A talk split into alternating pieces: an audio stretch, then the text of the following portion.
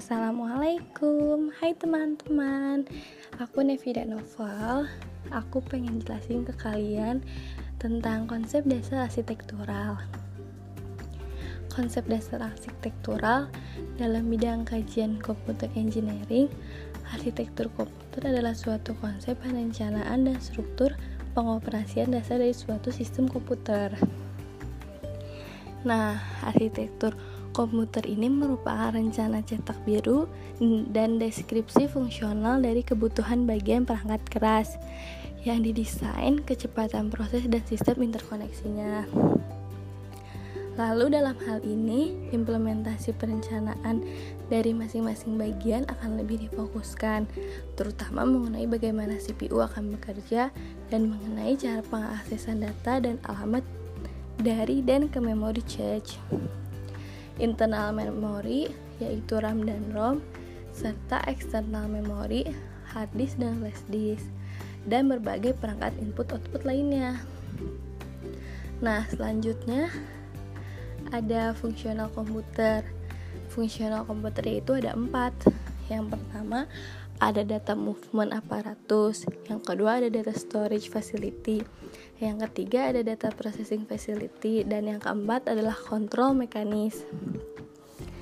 Nah, aku pengen jelasin nih ke kalian tentang data movement aparatus. Yang pertama sebagai interface perpindahan data antara dunia komputer dengan dunia di luar komputer. Nah, lalu mengatur perubahan bentuk data dan format data dan yang kedua itu data storage facility berkaitan dengan hal-hal yang berhubungan dengan proses penyimpanan data atau informasi yang ada pada sistem komputer. Dan yang ketiga itu data processing facility berkaitan dengan hal-hal yang berhubungan dengan pemrosesan data menjadi informasi sesuai dengan instruksi yang ada. Dan yang terakhir yaitu kontrol mekanis yaitu berkaitan dengan hal-hal yang berhubungan dengan pengaturan dan sinkronisasi kerja ketiga komponen tersebut. Nah, fungsional komputer itu ada empat, yaitu fungsi data movement, fungsi data storage, fungsi data processing, dan fungsi information movement. Nah, struktur utama dari suatu komputer itu ada CPU yang berfungsi sebagai pusat pengontrolan dan pengatur semua kegiatan fungsional maupun operasi dan maupun operasional komputer.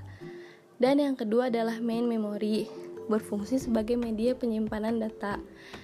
Dan yang ketiga ada I/O, berfungsi mengatur proses perpindahan data dari komputer ke dunia luar komputer maupun sebaliknya.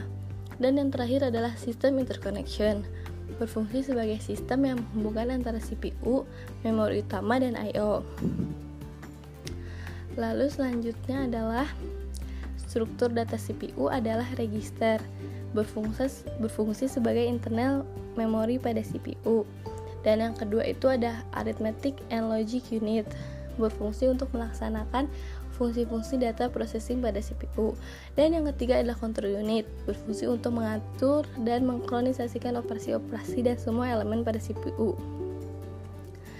Dan yang dan selanjutnya struktur dari control unit itu ada squeezing logic berfungsi untuk menentukan urutan instruksi yang akan diproses register dan decoder yang berfungsi untuk mengenal instruksi yang masuk dan yang ketiga adalah kontrol memori berfungsi untuk menentukan lokasi data atau instruksi pada memori.